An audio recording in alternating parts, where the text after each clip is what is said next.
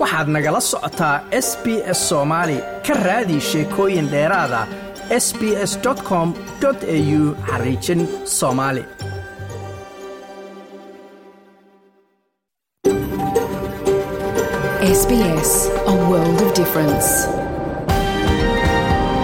You're with SBS Somali on mobile, online, and on radio. Waxaad nagala socotaan s b s soomaali oo aad ka heli kartaan mobil online iyo rediyoga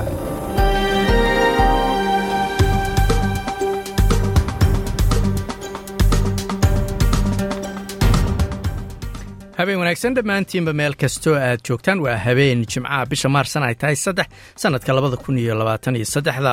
Halkaad naga dhegaysanaysaanna waa laantaaf soomaaliga ee idaacadda s b s oo si toos idinkaga imanaysa stuudiogaanu ku leenahay magaalada melbourne. Magacayguna waa xasan jaamac. Waxyaalaha aad caawa idaacadda ku maqli doontaanna waxaa ka mid ah.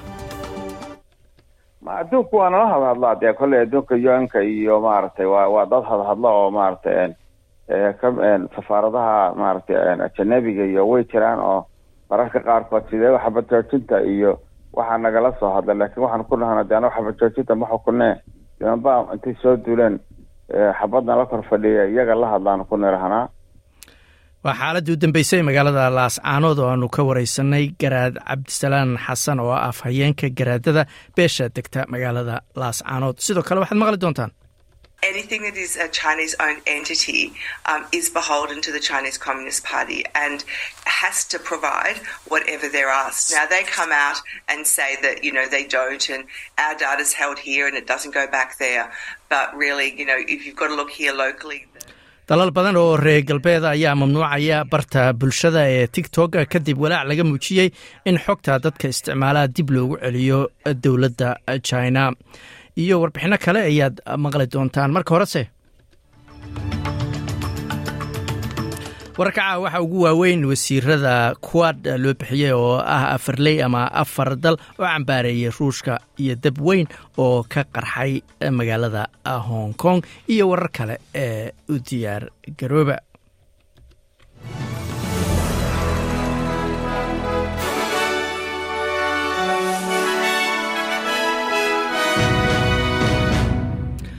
haddana waa wararkii oo dhammaystiran ra'iisul wasaarihii hore ee dalkan australia malcolm tumbal ayaa hortegi doona ayaa layidhi guddiga qaran ee loo saaray nidaamkii loo bixiyey robodet oo ahaa nidaam dad si khalada loogu diray daymo aan lagu lahayn arrintaas ayaa dhici doonta ayaa layidhi maalinta isniinta ee bisha maarsa ay tahay lix. Master tumbal ayaa halkaasi lagu wareysan doonaa wax looga weydiin doonaa inta uu ka ogyahay nidaamkaasi marka uu ahaa hogaamiyaha xisbiga liberaalka iyo ra'isul wasaaraha. Intii u dhexaysay labadii kun iyo shan waa ra'isul wasaarihii hore ee labaad ee markaasi hortaga guddigan iyadoo ra'isul wasaarihii hore scott morrison laftigiisu uu hortegay guddigan qaran ee arrintaasi jimcada maantana guddiga ayaa waxa uu dhegeystay nin madax uga ahaa wasaaradda dowladda isagoo sheegay in nidaamkan uu ahaa mid aad loogu degdegay oo aan laga fiirsan wararka dibaddana hogaamiyihii mucaaradka ee dalka cambodia kem sokha ayaa lagu xukumay labaatan iyo toddoba sano oo guriga guri xabsiya.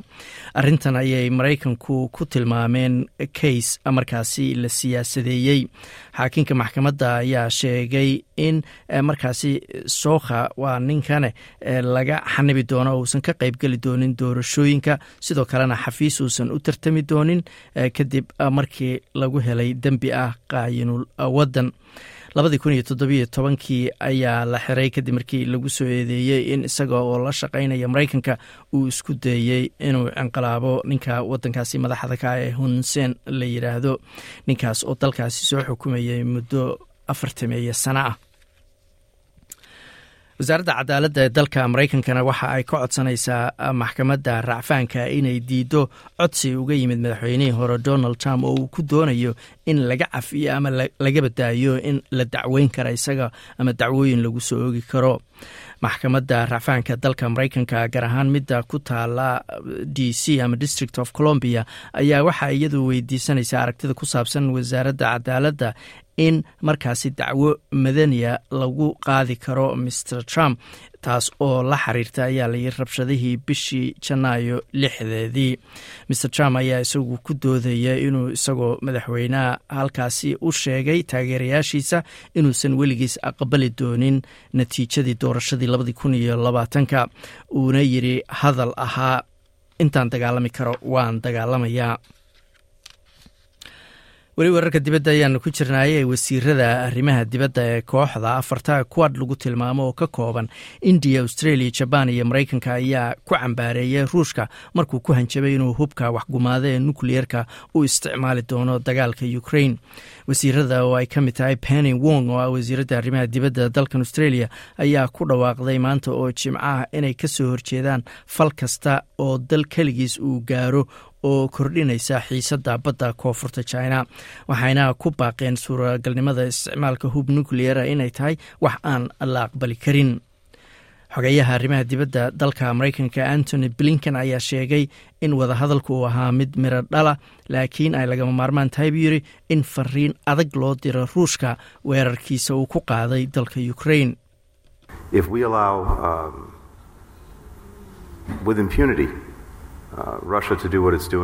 haddii aanu u ogolaana buu yidhi ciqaab la'aan ruushku inuu sameeyo waxa uu doono oo ukrain uu ka sameeyo. Markaas fariinta ay diraysa waxay noqonaysaa cid kasta oo mustaqbalka gardarra samaysa waxba laga qaban maayo waxna loo raacan maayo ayuu yidhi xogayaha arrimaha dibadda ee dalka maraykanka adeegyada deg dega ayaa sheegay inay baarayaan waxa sababay dad ballaaran oo xalay qabsaday xarun dukaamo oo aad u mashquul badnayd oo ku yaalla hong kong.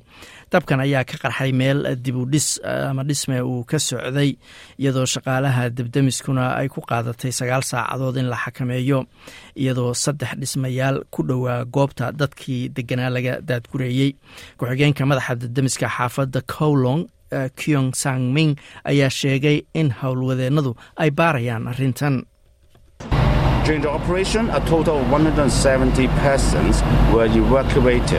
Intii howlgalka aanu ku jirnay ayuu yidhi boqol iyo toddobaatan qof ayaanu daadguraynay iyagoo ay caawinayaan shaqaalaha debdemiska iyo boolisku weli waxaanu baaraynaa buu yidhi waxaa sababay dabkan ka dhacay goob markaasi dhisme uu ka socday saadaasha hawada berita oo sabtiya magaalada bet inta badan waa cadceed labaatan iyo toddoba digrii bayse gaaraysaa. Adelaide waa cadceed iyo labaatan iyo toddoba melbourne waa qayb ahaan daruur iyo soddon digrii magaalada sydneyna roobab marka dambe qaadaya labaatan iyo lix digrii ayay gaaraysaa magaalada brisbane inta badan waa cadceed ayaa layiri soddon digrii bayna gaaraysaa halkii australian dollara.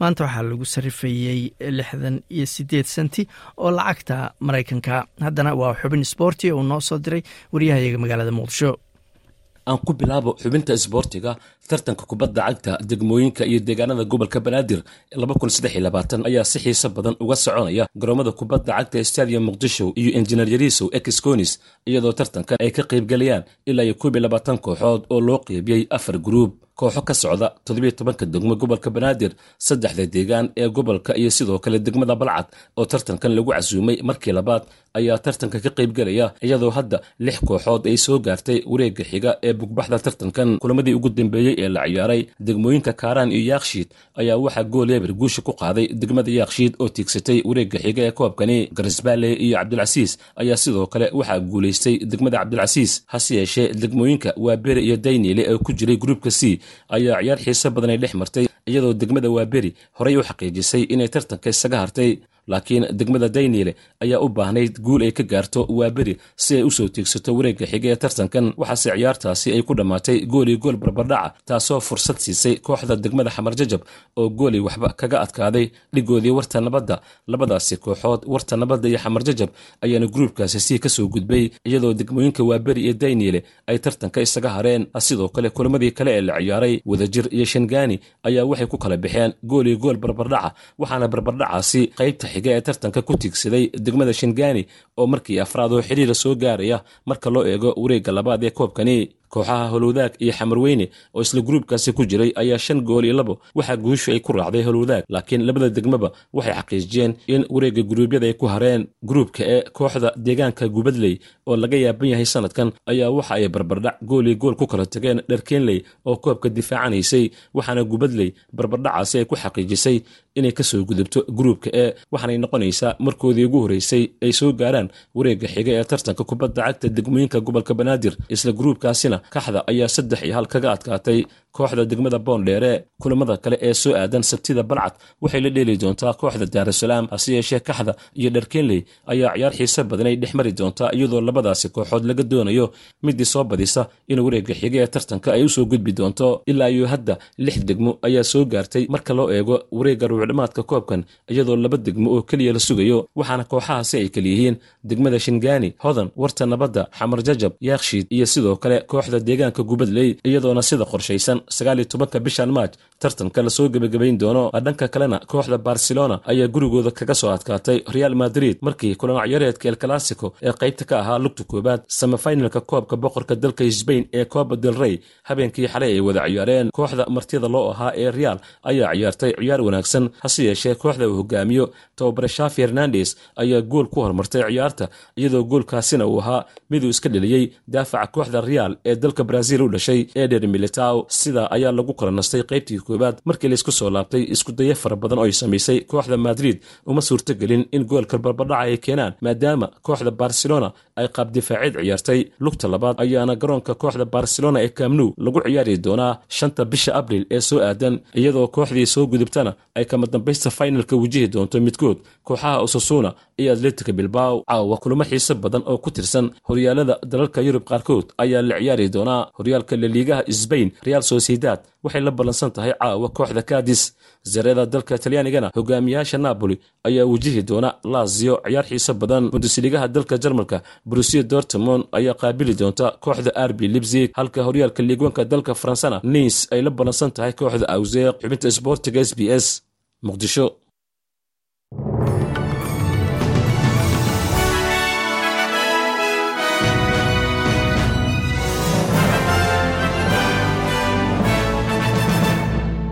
weli waxaa noo soo socdaa aaladda tictoga ama barta bulshada tictoga oo dalal reer galbeeda ay mamnuucayaan australia laftigeedu waa ay ka fiirsanaysaa. Marka horese magaalada laascaanood colaadeedu waxa ay gashay toddobaadkii afraad. Haddaba xaaladii u dambeysay ee magaalada in wadahadal ay jiraan in markaasi xabad joojin waarta laga heli karo goobtaas waxaan ka waraystay. Garaad cabdisalaan xasan maxamed oo ah afhayeenka garaadada beesha degta magaalada laascaanood marka horena waxaan weydiiyey bal maanta oo jimco ahayd xaaladda magaaladu sida ay tahay wuxuuna yiri walahi saaka hadda annaga aroor hore noo jirtaa aroor hore weeye.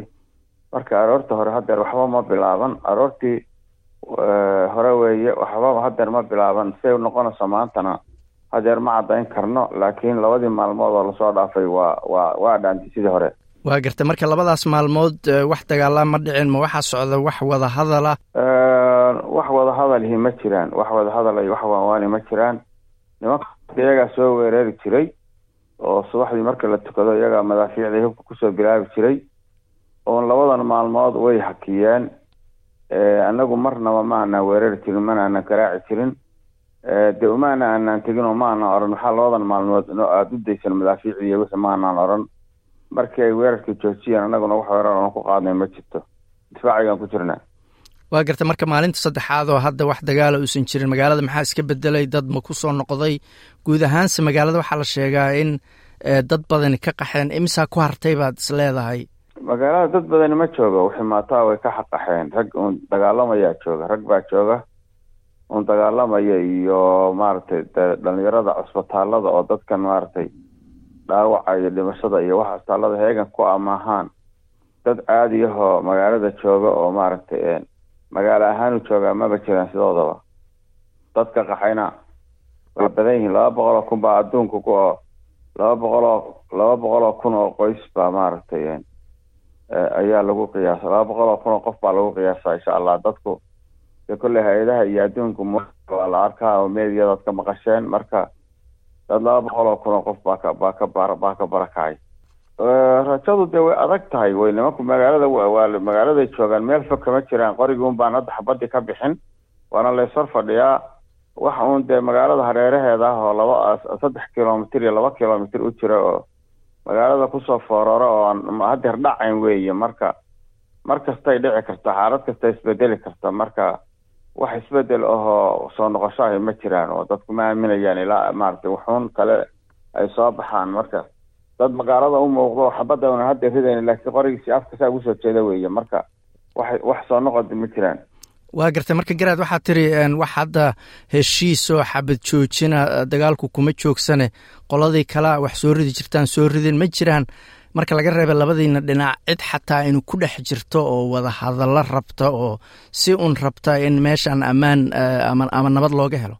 Ma adduunku waa nala hadhadlaa dee kolley adduunka un-ka iyo maaragtay waa waa dad hadhadlo oo maaragtay ka safaaradaha maaragtay ajanabiga iyo way jiraan oo mararka qaarkood sidee xabad joojinta iyo waxaa nagala soo hadla. Laakiin waxaan ku xabad joojinta ma xukunee nimanba intay soo duuleen xabadna la kor fadhiya iyaga la hadlaan ku nirahanaa intaas oo aan hadal dhaafsiisnayn mahane cid hadeer aan kuu sheego aan leeyahy waa waan bay ku dhex jirtaa oo shaqaynaysaa ma garanayo. Waa garta marka idinka in wada hadal bilowda ama waan waan bilaabata maxaa inii shuruuda? Waan waan ma bilaabanayso ay ma bilaabanayso waan waanta waxay bilaabanaysaa dee marka qori dhuunba laga qori baa lagugu hayaa waddankaagi waa lagu soo dulay waa magaaladaadii adduunka o dhan baa ku yaqaan way og yihiin iyagu inayna lahayn qorigan hoodo ila hadal maaragtay dee ma soconayso marka. Iga durgo iga tago meeshaadi aad haddaad wada hadal rabtid baanu anugu meediana ka neel hadeerna leenahay. Hadday naga tagaan oo naga durkaan oo ay magaalada ka tagaan oo magaalada keliya maaha magaa waddanka o dhan nooga baxa annagu aanu leenahay kooda tagaan. Wax hadal diidi karaa markaa ma jiraan laakiin qorigana waa kan waa kugu fooraraa la hadal markaan doonana keebkaan qabanaya qoriga waa kugu dhufanayaa markaan doonana waa joojinaya waana inaad ila hadashaa wax soconaya maaha. Wallahi nin gurigiisi ku lagu jiro oo de gurigiisii loo soo dhacay oo ilahi iga taga isagu waa istifaacaya dagaal lama yidhaahde istifaac baa layihahdaa qof anagoo istifaacaynaa guryaha nooga tagaanu leenahay maatayadad barakiciseen baanu leenahay waana la yaqaanaa dhulkeena waa naqaanaa kaayaga waa taqaaniin. Gardarada joojiya naga baxa naga tagaan taaganahay adduunkana waa u sheegnay hadeerna waa taaganahay iyo magaalada aday waddankaagan kugu duqeynaya kugu dilaya cusaalkaan duminaya waxbarashadan waxaan duminaya maaragta iskuulaadka biyahan jaraya korontadan jaraya adna waa ku dilaya mana tegayo intaasaanu isku hayna adduunkuna waa ogyahay marka waa waa istifaacaynaa waana ka saaraynaa waana iska waana iska durkinaynaa hadeerna muddo bil ah baanu caabinayna iska celinayna hadeerna waa sii wadaynaa arrimahaas hadda aad ka dhawaajisay oo cisbitaallo waxaa la sheegay in dhaawacyo gaareen waa sida xaaladda cisbitaalka iyo korontada iyo biyaha magaaladu hadda. Waxaan adduunku hadeer waa aragteen oo wax walba waa iska kashafan yihiin. Waad aragteen meediyadii baa joogta adduunka tii caalamiga ahayd baa joogta. Meeshay ku dhuftaan madfac iyo dumiyaanba waa la sawiraa. Isbitaalladu way dum way dunsan yihiin. Tarkorontadu waa dunsan tahay biyuhu way dunsan yihiin yacni waa wada aragtaan oo waa waa wax maaragtay muuqda oo la arko weeye marka dhibka jira adduunka oo dhan baa daawanaya o arkaya. Waa garta ugu dambeynta waxaad tiri in qolooyinka qaramada midoobey iyo dad ajnabi inay la soo xariireen oo ad ku tiraahdeen annagu dhib ka moodna qolada kalaa wada marka ajaaniibtaas laga reebo wax soomaaliya oo in ku dhex jira oo ama dowlad federaala ama maamullo ama xataa qabiilo ma jiraan miya oo arrintan raba inay dhex galaan maya haba sheegin maya. May may kaasina wuxuu ahaa afhayeenka garaadada beesha degta magaalada laascaanood garaad cabdisalaan xasan maxamed.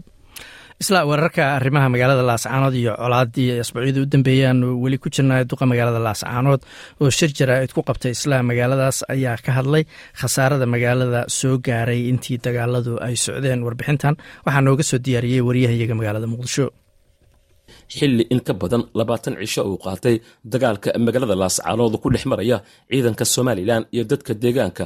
Ayaa golaha deegaanka magaaladaasi laascaanood ee xarunta gobolka sool waxay ka warbixiyeen xaaladda magaalada iyo khasaaraha uu sababay. Dagaalkaasi oo ay sheegeen in tirada dhimashadu ay gaartay in ka badan laba boqol oo ruux.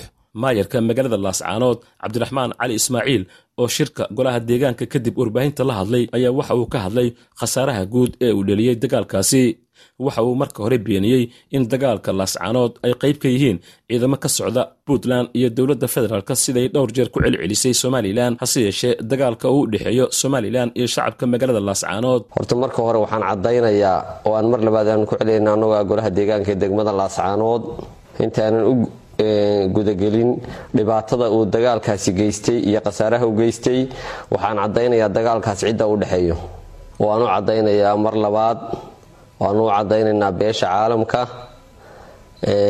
ummadda soomaaliyeed midooda afrika jimciyadda qurumaha ka dhexaysa iyo cid kasta oo bini aadana waxaanu doonaynaa inaan u caddayno dagaalkaas cidda uu dhexeeyo si cad inaan ugu caddayno mar labaad annagoo ah golihii deegaanka ee degmada laascaanood oo ah golo sharciya sharciyadna lagu doortay. Dagaalkaasi wuxuu u dhexeeyaa ciidamada somalilan iyo shacabka deegaanka. Wuxuu u dhexeeya ciidamada somalilan iyo shacabka deegaanka.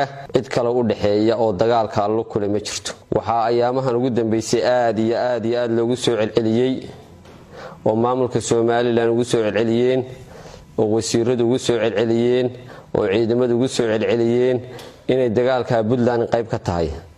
Waxaan beeninayaa inaysan dagaalkaasi puntland qayb ka ahayn waxaan beeninayaa in dagaalkaas aysan argagixisa qayb ka ahayn waxaanu beeninaynaa in dagaalkaa dowladda soomaaliya federaalku aanay qayb ka ahayn dagaalkaas wuxuu u dhexeeya oo keliya shacabka deegaanka iyo ciidamada somalilan. Cid kasta arintaasaanu caddaynaynaa waxa uu ka hadlay khasaaraha ka dhashay dagaalka muddada afar iyo labaatanka cisho socday isagoona xaqiijiyey in dhimashaday haatan marayso ilaa iyo laba boqol iyo toban ruux kuwa oo u badan dad shacab ah. Sidoo kalena ay dhaawacmeen lix boqol iyo siddeetan ruux oo kale. Haddaan u soo noqdo dhibaatada uu dagaalkaasi geystay lomber one waxaa ku dhintay dad shacab ah oo gaadhaya laba boqol iyo toban qof. Waxaa dhaawacmay lix boqol iyo siddeetan qof. Waxaa barakacay guud ahaan degmada laascaanood magaalada laascaanood iyo deegaanada hoos yimaada degmada laascaanood oo ay dhibaatadaasi saamaysay kunoo qoys. Waxaa burburay guri. Waxaa xidhmay kun oo ganacsi. Waxaa xidhmay kun oo ganacsi. Waxaa la jaray biyihii. Waxaa la weeraray oo ay ciidamo xoog ku galeen xaruntii laydhka oo ay matooradii iyo agabkii laydhkana rasaas la dhaceen shaqaalaheediina qaqabteen qaybna ay meesha ku laayeen ay ku dileen nin shaqaalaha ka mida isla goobtii duqa magaalada laascaanood ayaa sidoo kale waxa uu ciidanka somalilan ku eedeeyey in ay duqayn ka geysteen. Goobihii muhiimka u ahaa adeega bulshada sida isbitaalada sidoo kalena ay dad raydihi ay qaarkood dileen qaarna maxaabiis ahaan ay u qabsadeen sida uu yidhi. Waxaa dhibaato la gaadhsiiyey oo la bamgareeyey dhammaan xarumihii dowladda. Waxaa la bamgareeyey cisbitaalkii weynaa oo aad arkayseen iyadoo si toosa loo bamgareeyey oo loo duqeeyey xaruntii kaydka dhiigga iyo xaruntii laydhka siinaysay cisbitaalka iyo xaruntii ay yaaleen dhaawacyadu emergencyga. Waxay ciidamadu bililaqaysteen oo gurteen dhammaan agabkii guryihii ay ka dagaalamayeen ay soo galeen yaallay. Oo iyadana aad daawanayseen iyadoo ciidamadu ay moobilada iska duubayaan oo ay soo bandhigayaan caddaymo ku filanna aanu hayno oo guri walba saaka aynu tegi karno saxaafaddu ay tegi karto waxay laayeen shacabkii safarka ahaa ee waddada marayay oo aad ka warhaysaan bas dhan oo waddada marayey inay shacabkii saarnaan rasaas ku fureen nin shiikhina uu ku dhintay kuwo kalena ay ku dhaawacmeen. Waxay maxaabiis ahaan u qaateen dadkii beeralayda ahaa ee kaaga dhowaa magaalada iyo dadkii reer guuraaga ahaa ee xoolodhaqatada ahaa iyo maxaysatadii kaaga dhoweyd magaalada. Oo ay leeyihiin waxaanu haysanaa maxaabiis dagaal mana ahay waa dadka noocaas ciidamada maamulka somalilan waxay geysteen dhibaatada intaa leeg magaalada waxaa ka socda afar iyo labaatanka casho xasuuq bili-aadanimo waxaa ka socda cadowtinimo. Waxaa ka socda cidhibtir waxaa ka socda waxaynan shaahid iyo sheeko aynan hore u maqal.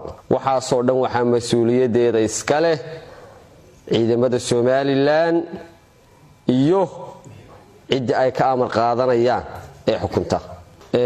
Dhibaatada hintaa leeg inay ka dhacday magaalada laascaanood baanu annagoo ah golihii deegaanka ee sharciga ahaa ee degmada laascaanood aanu u caddaynaynaa ummadda soomaaliyeed beesha caalamka iyo cid kasta ay qusayso ugu dambayntii golaha deegaanka magaalada laascaanood waxay soo jeediyeen talooyin ay u arkaan in xabadda iyo colaadda ay ku joogsan karto islamarkaana lagu soo celin karo adeegii bulshada iyo dadkii magaalada ka barakacay. Haddaanu nahay golihii deegaanka degmada laascaanood haddaanu nahay niman odayaalah haddii aanu na dhibayso dhibaatada annaga nagu dhacaysa iyo in qof bini aadanah oo islaam uu sababla-aan u dhintaba waxaanu soo jeedinaynaa talo aanu u aragno in lagu gaadhayo xalka rasmiga ah ee nabad lagu helayo magaalada laascaanood kow waxaanu soo jeedinaynaa in ciidamada somalilan laga saaro guud ahaan degmada laascaanood tala soo jeedinteeda koowaad waxaa weeye in ciidamada somalilan guud ahaan laga saaro degmada laascaanood lana geeyo degmada caynaba.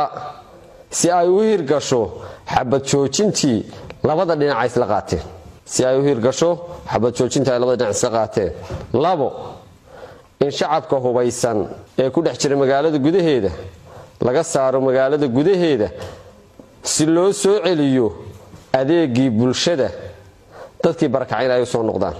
Saddex in gargaar bini-aadannimo la soo gaadhsiiyo dadkii dhibaatadaasi saamaysay oo ku sugan guud ahaan degmada laascaanood iyo degmada xudun taleex iyo buuhoodle.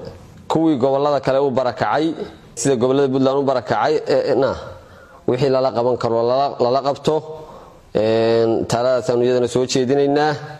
Waxaanu ku soo ururinaynaa shirkeyga jaraa'id maanta. Warbixintaa guud dhibaatadii ka dhacday degmada laascaanood waxaanu ilaahay ka rajaynaynaa inuu ilaahay dhibaatada intaa inagaga afjaro waxaan kaloo ilaahay ka rajaynaynaa maanta midiya daabkeed cid baa haysa ciddaa midiya daabkeeda haysta waa ciidamada somalilan iyo mas'uulka ay ka amar qaadanayaan oo ah muuse biixi haddii uu qaato maanta tallaabadaas ciidamadana ka saaro deegaanadan xabaddu saasay isku taagaysaa si kastaba ahaatee dagaalkan u dhexeeya ciidamada somalilan iyo shacabka magaalada laascaanood ayaa galay maalinkii shan iyo labaatanaad iyada oo weli ciidamada labada dhinac ay isku horfadhiyaan duleedka magaaladaasi waxaanan shaqaynin baaqyo lagu doonayey in dirirta lagu joojiyo kuwa oo ka kala imaanayay soomaalida iyo beesha caalamkuba. Gudoomiyaha golaha wakiilada somalilan cabdirasaaq khaliif axmed ayaa maalmo ka hor isagoo ku sugan gudaha magaalada laascaanood waxa uu laanta afka soomaaliga ee b b c da u sheegay in iskudayo lagu doonayey in lagu joojiyo dagaalka ay ka socon waayeen dhanka madaxweynaha somalilan muuse biixi waxa uu tilmaamay in xabad joojintii ay ku dhawaaqday xukuumadda somalilan looga gol lahaa oo keliya in aanu dagaalka joogsan isagoona sheegay in madaxweynuhu uu ku ballanfuray isaga iyo erge ka socotay beesha caalamka halkaad warbixintaas kala socotaan waa laantaaf soomaaliga ee idaacadda s b s s b s. Inta tabarteeda waxa ay isku dayeysaa inay dhinacyada kala duwan ee colaada laascaanood isku haya. Markaasi ay si isku mida u kovar garayso ama u soo qaado hore waxaanu barnaamijyo uga soo daynay ama warbixino uga soo daynay idaacadda s b s. Shir jaraa-id oo uu qabtay taliyaha ciidamada somalilan nuux taani iyo sidoo kale shir jaraa-id oo uu afariyo tobankii bishii labaad uu qabtay taliyaha taliyo kale oo isaguna ka tirsan ciidamada somalilan oo la yihahdo cabdiraxmaan cabdulaahi xasan oo loo yaqaano cabdidheere kaasoo sheegay in markaasi al-shabaab ay ka dagaalamayeen magaalada laascaanood taasoo sidaad maqlayseen duqa magaalada laascaanood iyo madax kale oo ka mida deegaanka ay markaasi dafireen. Haddaba eedahaas kala duwan ee laysu jeedinayo markaasi sida ay markaasi noo soo gaaraan ayaanu u sii daynaa balse cadaymahooda dabcan waxa ay hadba ku xiran tahay cidba sida ama cidda kale oo ay aaminto. Halkaad nagala socotaan waa laantaaf soomaaliga ee idaacadda s b s halka aad nagala socotaan waa laanta af soomaaliga ee idaacadda s b s. Wararkii caawana waxaa ugu waaweynaa wasiirada koox loo bixiyey quad oo ka kooban afar dal oo kala australia hindiya jabaan iyo maraykanka ayaa ku cambaareeyey ruushka. Hadal ka soo yeeray oo ah inuu u isticmaalay ay dhici karto inuu isticmaalo hubka nucleerka dagaalka ukraine. Dab weyn oo ka qarxay hong kongna waxaa la sheegay in weli la baarayo sababta uu markaasi u qarxay dalal ay ka mid yihiin canada maraykanka iyo weliba midowda yurub ayaa markaasi waxa ay go'aan ku gaarayaan in ugu yaraan shaqaalaha dowladda u shaqeeya moobiladooda ama qalabka aaladaha ay ku shaqeeyaan. Markaasi laga saaro barta bulshada ee tictoga loo yaqaano oo dalka china laga leeyahay. Tan ayaa imanaysa iyadoo walaac laga qaba ah in macluumaadka ama xogta dadka isticmaala tictogaasi loo gudbiyo dowladda china oo markaasi xogta ay halkaasi ka aruursato. Australia ayaa iyadu sheegaysa inay weli ka fiirsanayso arintaasi aysanna hubin inay sida dalalkaasoo kale shaqaalaheeda ka mamnuuci doonto warbixin. Aanu ka diyaarinay waatan. Barta bulshada ee tictoka oo laga leeyahay dalka china ayaa wajahaysa in ay mamnuucaan dalal badan oo adduunka oo dhana maraykanka midowda yurub iyo kanada ayaa digniino u diray shaqaalaha dowladda ee haysta moobilo ay ku shaqeeyaan iyagoo lagu amray inay joojiyaan isticmaalka tictok taasoo ka caraysiisay dadka saameynta kuleh tictoka ama u isticmaala dhanka shaqooyinka ama busineska ama waxa influenska loo yaqaano. Laakiin dowladda australia ayaa sheegtay inaysan weli bedelaynin talooyinka amni laakiin ay dhici karto in ay bedelaan dowladda australia ayaa sheegtay inay hay'adaha sirdoonku aysan weli ku talin in tictok laga mamnuuco aaladaha shaqaalaha dowladda. Inkasta oo shaqaalaha dowladda ee dalal ay australia xulufo la tahay ay xanibaado ku soo rogeen isticmaalka abka bartan bulshada. Sababo la xiriira walaaca laga muujiyey dhanka amniga go'aan uu maraykanku uga mamnuucayo aaladaha ay isticmaalaan shaqaalaha dowladda abkan fideoga lagu wadaago ayaa ka caraysiiyey dalka jinaha mow ning waa afhayeenada wasaaradda arrimaha dibadda ee dalka china.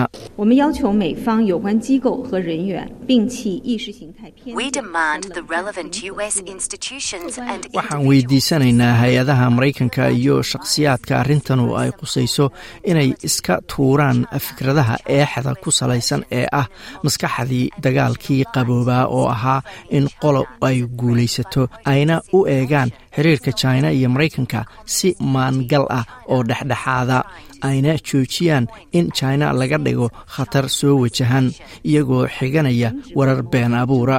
Hala joojiya ayay tiri cayda lagu hayo xisbiga shuuciga ee china. Hana la joojiyo iskudayga lagu doonayo in guul siyaasadeed la dhaliyo iyadoo aan la eegayn saameynta ay ku yeelan karto xiriirka maraykanka iyo china shaqaalaha wasaaradaha dowladda maraykanka ayaa la siiyey soddon maalmood inay abka tictoka uga saaraan aaladaha ay ku shaqeeyaan iyadoo cabsi laga qabo in tictok uu aruursanayo macluumaadka iyo xogta dadka isticmaalaya uuna la wadaagayo dowladda china.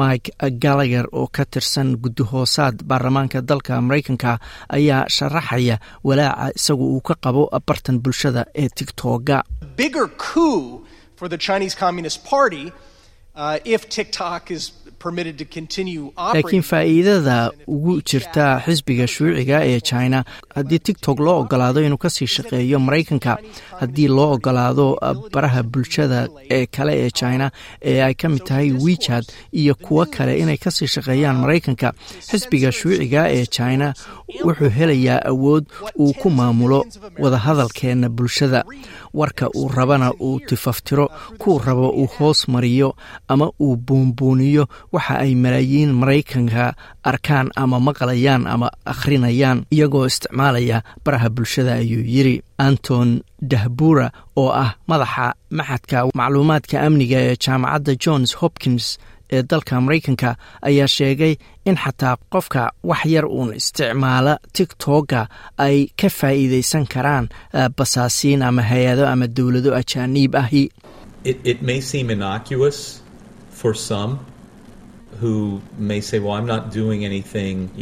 Waxaa dhici karta inaan waxba weyn laga soo qaadin oo la yidhaahdo maanaaba waxba u isticmaala maxay iga helayaan kama shaqeeya anugu warshad nukliyera laakiin waxaa jira qaabo badan oo shisheeye gaar ahaan jiniiska mana aha jina oo keliye ay macluumaadkeenna fagan karaan oo isticmaali karaan. Waxyaalaha yaryar ee aanu markaas isdhaafsanno.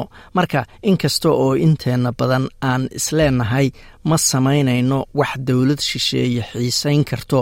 Taasi sax ma aha ayuu yidhi mana aha maraykanka oo keliya cidda ay dhici karto inay mamnuucaan tiktok. Midooda yurub ayaa tallaabooyin kuwa la mida qaaday. Sonia gosbodinova waa afhayeenada guddiga midooda yurub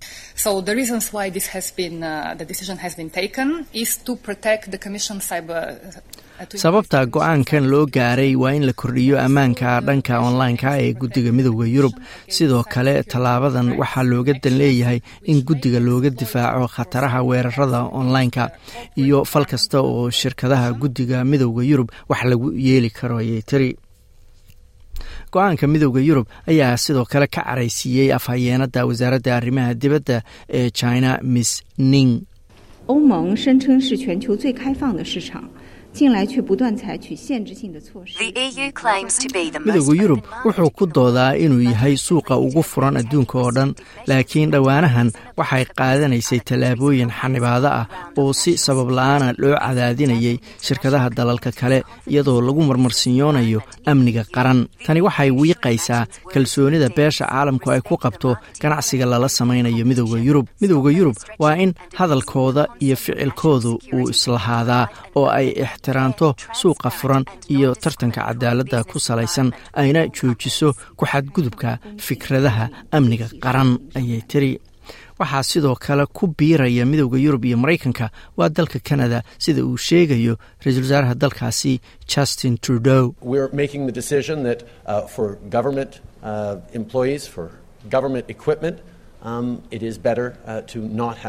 waxaan go'aaminaynaa in shaqaalaha dowladda iyo qalabka ay shaqaalaha dowladdu isticmaalaan inaysan fiicnayn inay haystaan ama uu tigtog ku jiro sababtoo ah walaaca dhanka amniga oo dadku qabaan.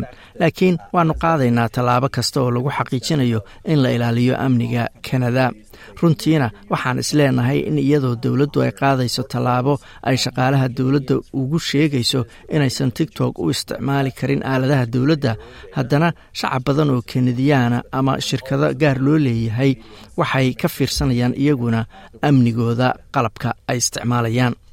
Dhanka australiyana khasnajiga dowladda federaalka jim chalmers ayaa sheegay in dowladdu aysan weli helin talooyin ah in gebi ahaanba tigtok laga mamnuuco aaladaha dowladda. Laakiin susan maclean oo ah khabiirad dhanka amniga internetka ayaa sheegtay in haddii dowladaha kale ay walaac qabaan australiyana ay tahay inay laftigoodu walwalaan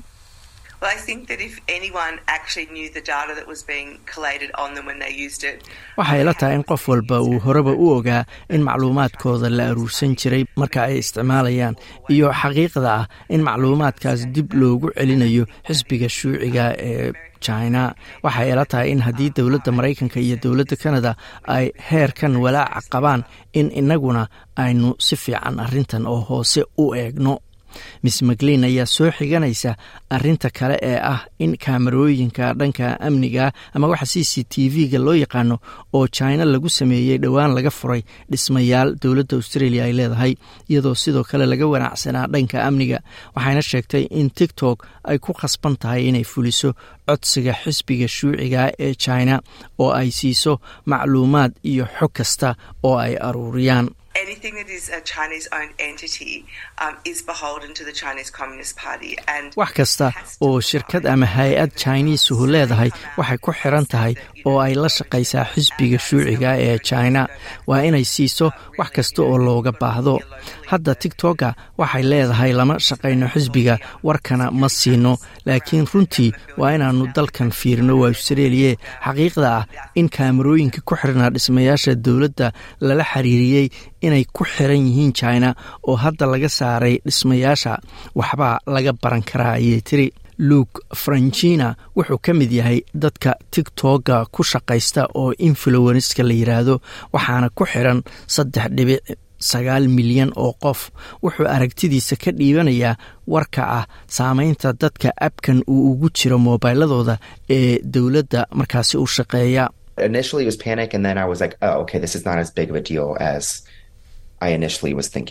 laakiin bilowgii waan ka argagaxay. kadibse waxaan isiri wax weyn ma aha. waxaa igu xiran saddex dhibic sagaal milyan oo qof. inaan hal mar lumiyo dhammaantood way adkaanaysaa. inaan dib u soo celiyo. markaas si shaqsiyana ayay ii saamaynaysaa. Sababtoo ah waa wax aan jecelahay inaan sameeyo. Runtii ma garanayo waxa aan samayn doono xataa marka aan ka sii fakarayo waan murugoodaa. Waxaan dareemayaa in howl aan shaqo badan geliyey oo aan dad badan ku caawiyey anigana laygu caawiyey aan hal mar luminayo. Master franchina ayaa sheegay in tigtok oo keliya uusan ahayn aaladaha ama ababka xogta aruuriya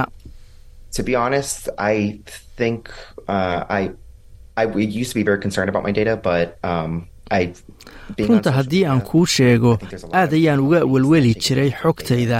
laakiin markaad baraha bulshada ku jirto waxaa jira shirkado badan oo ka faa'iida xogta oo iyagu gada ama sii iibiya marka tigtok aragtidaydu waa uun shirkad kale oo taa samaysa oo la mida kuwa kale.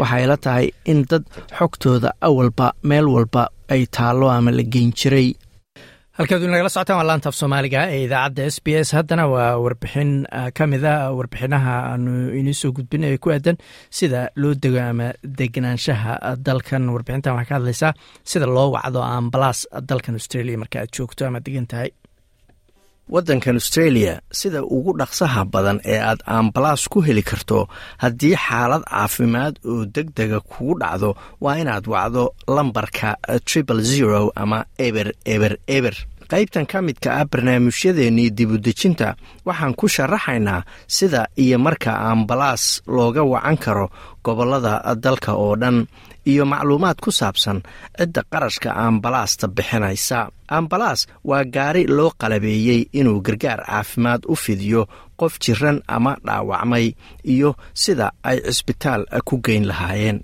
dor simon soyer waa shaqaale ambalaas madaxna ka ah koleejo lagu tababaro shaqaalaha ambalaasyada oo baramedicska loo yaqaano. Wuxuu sheegay in duruufo badan oo kala duwan ay keeni karaan in qofku waco eber eber eber uuna weydiisto in loo soo diro ambalaas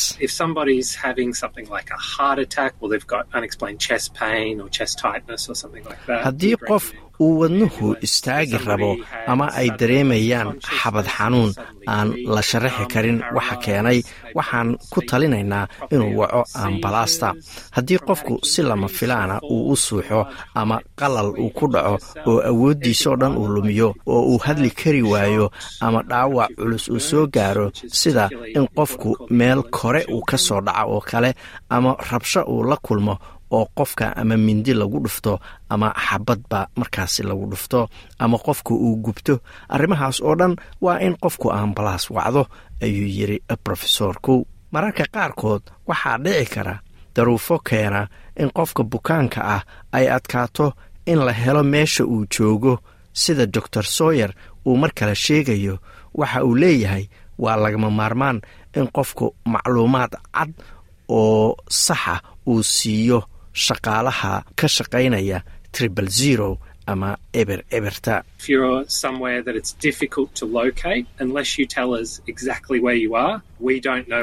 haddii aad ku sugan tahay ama joogto meel ay adag tahay in la helo. inaad si fiican u sharaxda mooyee ma ogaan karaan meesha aad joogto shaqaalaha ambalaastu tusaale ahaan haddii aad ku sugan tahay meel muusig festivaala oo dad badan ay ku sugan yihiin oo meel weyn ah ama aad dukaamo waaweyn dhex joogto ama beer aad ku jirto goobahaas oo aan lahayn calaamado waddo ama lambar waddadu ay leedahay. Ma ogaan karno meesha aad joogto. Marka waa inaad si cad u qeexdo hadba meesha aad ku sugan tahay. Wicidda tribal zero ama saddex eber eber waa lacag la'aan. Labaatan iyo afarta saacadoodna waa la wici karaa. Waxaana laga wici karaa telefoonnada guryaha kuwa waddooyinka ku yaalla ama waddooyinka lagu xidho iyo weliba moobaylada loomana baahna in lacaga kuugu jirto ama waxa kredhitka loo yaqaano moobaylkaaga si aad u wacdo tribal zero. Waxaa sharaxaya dor simon soyer mar kale anyone can use the triple zero service. You don't need to be a subscriber. You don't need to be a citizen. You can be on holidays anywhere qof in kasta waa uu wici karaa adeega triple zero. Uma baahnid inaad tahay qof macaamiil u ah. Uma baahnid inaad muwaadin australiyaana tahay. uma baahnid inaad meesha aad degan tahay joogtid. waxaad noqon kartaa qof dalxiise ah oo ku sugan meel kasta oo australia ah gurigaaga inaad joogto khasab ma aha carruurta ayaa wici karta triple zero qofka qaangaarka ayaa wici kara. Marka qof kasta oo u baahan boolis ambalaas ama debdemis ayaa wici kara. Saddexda lambar ee ah eber eber eber. Haddii hadalka ama maqalku kugu adag yahay oo aad tahay waxaa jira lambar kale oo dadka qaarkood aysan caadiyan aqoon oo ah hal eber lix oo qoraal ama texti aad ku diri karto haddii aadan ingiliish ku hadli karin waxaad dhihi kartaa oo keliya ambalaas kadibna waxay kaala shaqaynayaan siday turjubaan kuugu heli lahaayeen. Dadka qabanaya telefoonnada tribal zero waxay ku weydiinayaan su'aalo looga dan leeyahay in la ogaado in xaaladda aad ku jirto ay tahay mid u qalanta xaalad deg dega dor sooyer ayaa sheegay in sida aad uga jawaabto su'aalahaas ay aad muhiim u yihiin They'll ask you what the actual problem is. So again, be as specific as possible. Speaking as waxay ku weydiinayaan waxa to dhib know ku yahay ama dhibaatada ku doing for a haysata. number of haddaan u hadlo sidii qof shaqaalaha car ambalaasta ah waxaa muhiim ii ah inaan ogaado waxa jira sababtoo ah dhowr arrimood awgood. marka hore tusaale ahaan waxaad one, tidhi shil baan galay. saaxiibkay ma neefsanayo ama xabadka ayaa xanuunaya waxay ku weydiinayaan imise qof ayaa dhaawacan. Waana muhiim sababtoo ah haddii hal qof uu yahay hal ambalaas ayaa ku filan oo loo dirayaa macluumaadka ku saabsan da'da iyo jinsiyadda bukaanka sidoo kale waa muhiim maadaama ay ka caawinayso shaqaalaha ambalaasta inay sii diyaarsadaan daawooyinka ku habboon ama qalabka loo baahan yahay waxaa macluumaadkaas ka mid ah in bukaanku yahay qof jinsigiisa beddelay sida qof nin ahaan ku dhashay oo haween isu beddelay ama mid gabar ahaan jiray ama gabar ahaan u dhashay oo nin isu beddelay ama qof nin ama haween midna aan isku tilmaamin. Linsy mackay waxay ka tirsan tahay ambalasta victoria. Waxay sheegtay in dhammaan dadka waca ama wicitaanada tribal zero aysan ku dhammaan in ambalaas loo diro qofka One in five calls in Australia don't require an emergency ambulance. And in Victoria, they'll come to our secondary triage team. Australia. shantii qof oo experienced oo wacda paramedic tribal or a zeraba nurse. mid ayaan u baahan in ambalaas loo diro. victoria waxay wicitaanadu maraan meel lagu kala saaro. marka waxaa kula soo xiriiraya shaqaale ambalaas ama kalkaaliso caafimaad oo aad u tababaran oo su'aalo badan oo caafimaad ku weydiinaya si ay u ogaadaan sida ugu fiican ee ay ku caawin karaan taasoo ay dhici karto inaadanba u baahan ambalaas. Marka ay goobta tagaanna shaqaalaha ambalaasta ayaa la tegaya goobta aqoon ah. Inta ay ka og yihiin xanuunka oo hordhaca sida uu sheegay sawyer. We're experts in out of hospital emergency health. We'll ask you about your symptoms. We'll ask a lot of qabiiro your ku nahay caafimaadka history deg deg ah as well, and ee ka baxsan medication. su'aalo badan ayaan ku weydiinaynaa oo ku aadan taariikhda caafimaad ee qofka sida inuu wax xasaasiyada qaba ama alerjiga waxa la yidhaahdo ama inuu daawo isticmaalo hadda dhammaan macluumaadkaas waxaan u isticmaalaynaa inaan gaarno waxa aanu ku sheegno ogaansho xanuun oo hordhaca ama waxa aan isleenahay waa ay kaa khaldan yihiin. Inta badan ambalaastu waxay kuu qaadaysaa cisbitaalka kuugu dhow laakiin mar walba saas ma aha sida dor sawyer uu sharaxayo Not every hospital is the same. So there's some very large hospitals, normally in the major cities, that can deal with very, cisbitaalladu isku mid ma aha.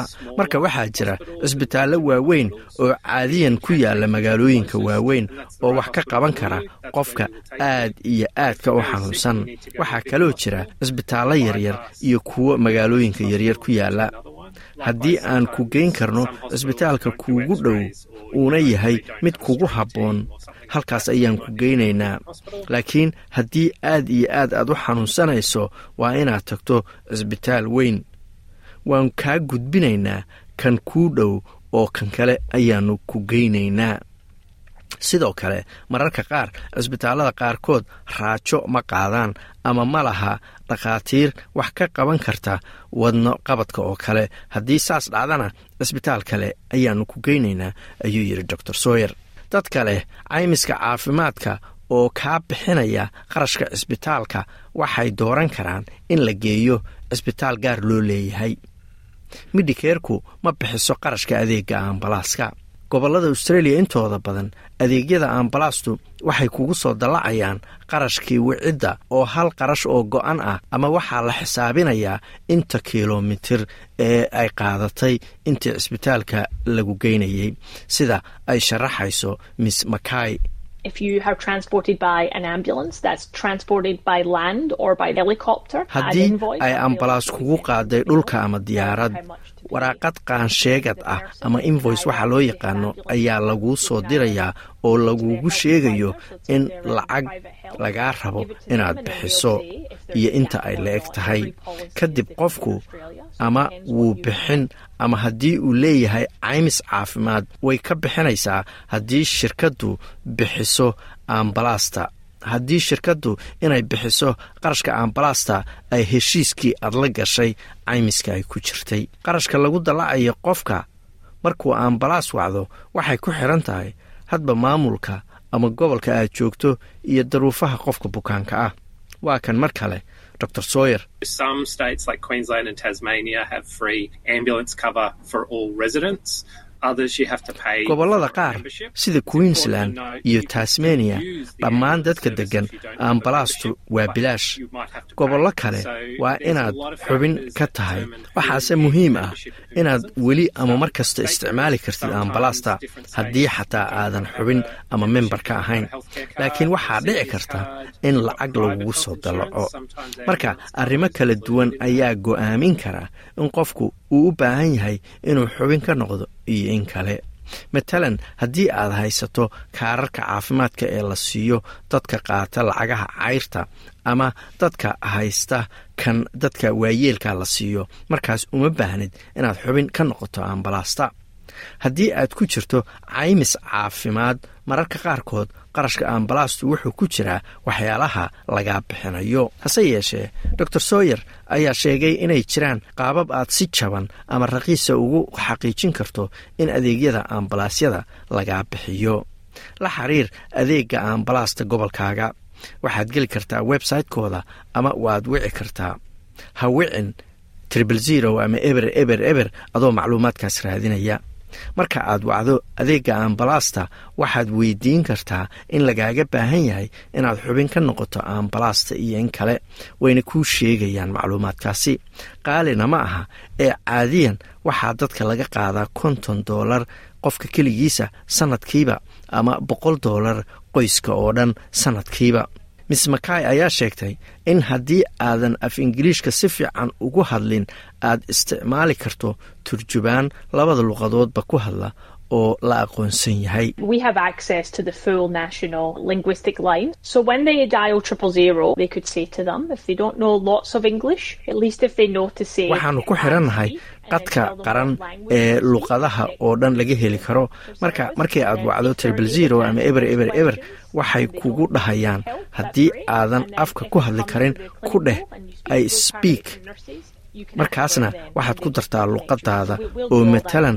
Waxaad dhahaysaa i speak soomaali markaasna waxay kugu xirayaan adeeg turjubaan oo af soomaali kugu turjumaya halkaad nagala socotaan waa laanta af soomaaliga ee idaacadda s b s. Waxaanu soo gaarnay gebagabadii idaacaddeenii caawa wararkana waxaa ugu waaweynaa ra'iisul wasaarihii hore ee dalkan australia malcom tambal ayaa hortegi doona baa layidhi guddi qaran oo loo saaray wixii ama nidaamkii loo bixiyey robodet oo ahaa dad badan oo si khalada loogu diray warqad la leeyahay dayn baa cayrtu ama dowladdu inu ku leedahay taasoo waa dambe la ogaaday in markaasi ay been ahayd. Wararka waxaa kaloo ka mid ah wasiirada afarta dal ee la baxay afarleyda ama kuwaadka ayaa cambaareeyey ruushka dalalkaas oo kale ah australia maraykanka jabaan iyo weliba dalka hindiya. Dab weyn oo ka qarxay hong kongana ilaa iyo hadda waxaa la baarayaa bal waxa sababay.